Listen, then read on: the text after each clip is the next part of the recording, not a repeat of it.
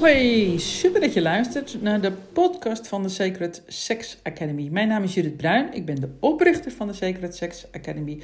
En vandaag gaan we het hebben over waarom Sacred Sex, um, hoe je daar nou eigenlijk komt. Waarom is gewone seks eigenlijk niet goed genoeg? Nou, jij bent een seksueel wezen, je bent eruit ontstaan. Alles wat je eet is ontstaan uit een bevruchting, als het niet al te veel bewerkt is, zal ik maar zeggen. En um, je doet ook alles op je seksuele energie. Dus als je alleen dat al realiseert, hè, dat alles om jou heen, wat groeit en bloeit, ontstaat door seksuele energie. Het meest heilige wat er toch is, is toch een geboorte van, van jezelf of uh, van je kinderen of van, van lammetjes om je heen. Alles, het meest kleine wondertje wat uit een eindje kruipt, dat is eigenlijk al een heilig moment. En, en daaraan vooraf gaat misschien wel eh, het hoogst heilige vooraf en dat is de conceptie. Dat is zoiets bijzonders. Dat is mijn inziens gelukkig nog niet geëvenaard. En ik hoop ook eigenlijk dat dat helemaal niet gebeuren gaat. En, en dat we dat ook gewoon al als heiligheid intact laten, als heelheid. Maar goed, um, terug naar de seks.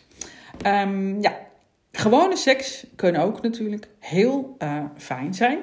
Um, we weten ondertussen wel dat er heel veel uh, stellen daarmee in de problemen komen, mensen. Maar goed, het kan ook heel fijn zijn. En misschien heb je het ook ooit als heel fijn ervaren. En maar zelfs als het fijn is, is het niet altijd uh, bevredigend. Dus eigenlijk, um, als je klaargekomen bent, uh, is het nog niet klaar, zeg maar. En zonder natuurlijk toe te spitsen op hoe je dat allemaal precies doet, want dat mag je allemaal zelf uitzoeken uh, ga ik het op een andere manier wat duiden. Het feit dat het zeg maar op een gegeven moment seks niet meer vervullend is, dat komt eigenlijk omdat alles gericht is op de voortplanting. Ook als je dat voorkomt door voorbehoedsmiddelen. En ook als je uh, al, al uh, onvruchtbaar bent geworden of, of altijd bent geweest, dan nog zijn eigenlijk de meeste mensen bezig met voortplantingsseks.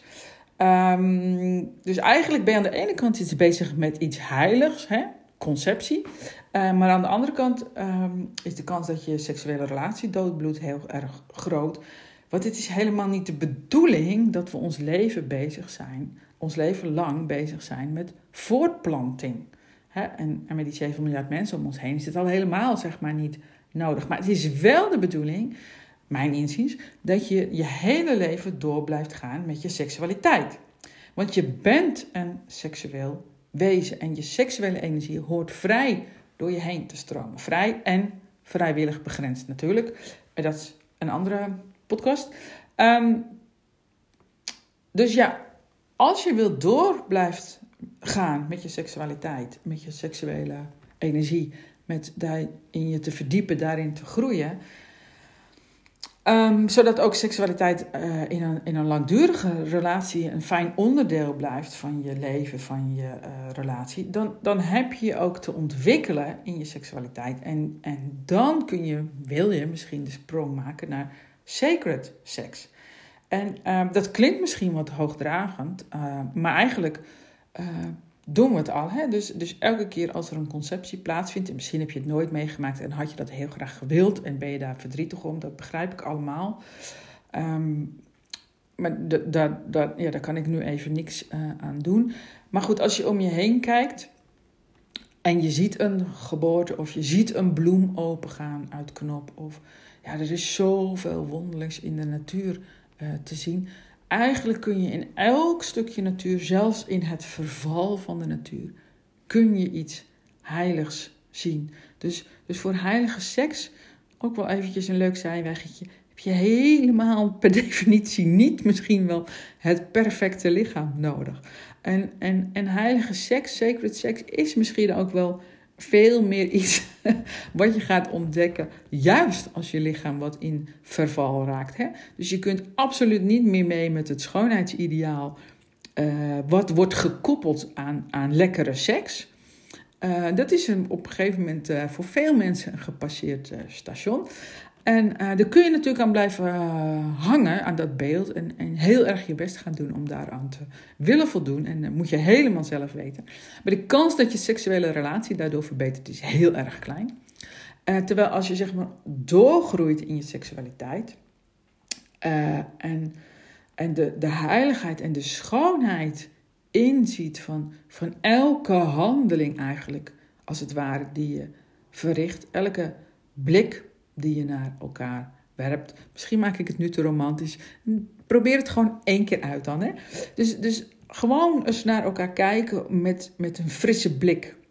Met, met, alsof je die ander nog nooit gezien hebt. En, en weer eens denkt, wow, wat, wat ben jij eigenlijk voor schepsel, voor wezen? En, en dat is toch ook maar ontstaan uit een, uit een heilig moment, zeg maar. En, en dat je dan dat ook meeneemt in je seksualiteit. Dat je bereid bent om als het ware een soort weer van opnieuw te beginnen. En, en niet iets af te werken, een vast patroon, wat misschien nog best fijn is hoor. Ehm, maar een, routine, een routinematig riedeltje is vaak wel een soort van doodlopende weg. En ehm, ja, dus, dus met nieuwe ogen daarnaar kijken. En uh, dat, er hoeft maar één iemand te veranderen in een relatie. En dan verandert alles mee, zal ik maar zeggen.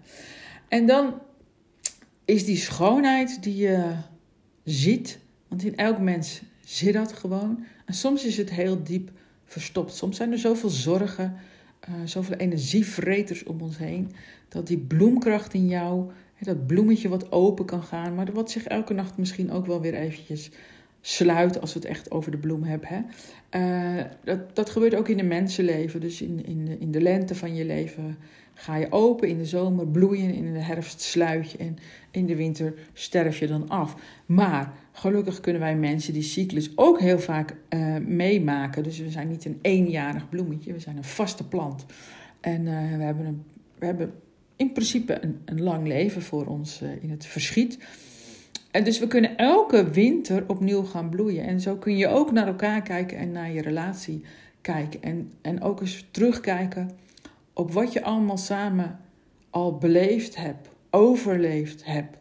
En uh, dat het meerdere keren winter is geworden in je relatie, maar ook elke keer weer een lente kwam. En het kan zijn dat je nu al heel lang in een winterperiode zit. En het kan zijn dat je daar je partner de schuld van geeft. En toch hoeft er dan maar één iemand uh, te veranderen. En dan verandert de relatie met je mee. Dus eigenlijk nodig ik je uit tot sacred seks. Uh, maar zoals je het één doet, doe je alles. Dus je kunt ook buiten de slaapkamer beginnen met sacred seks.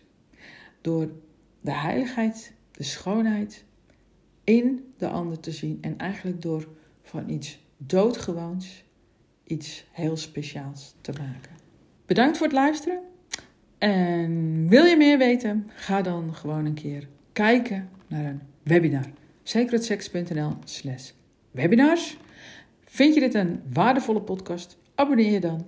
Dan krijg je even een melding als de volgende voor je klaar staat. Bedankt voor het luisteren en tot de volgende keer.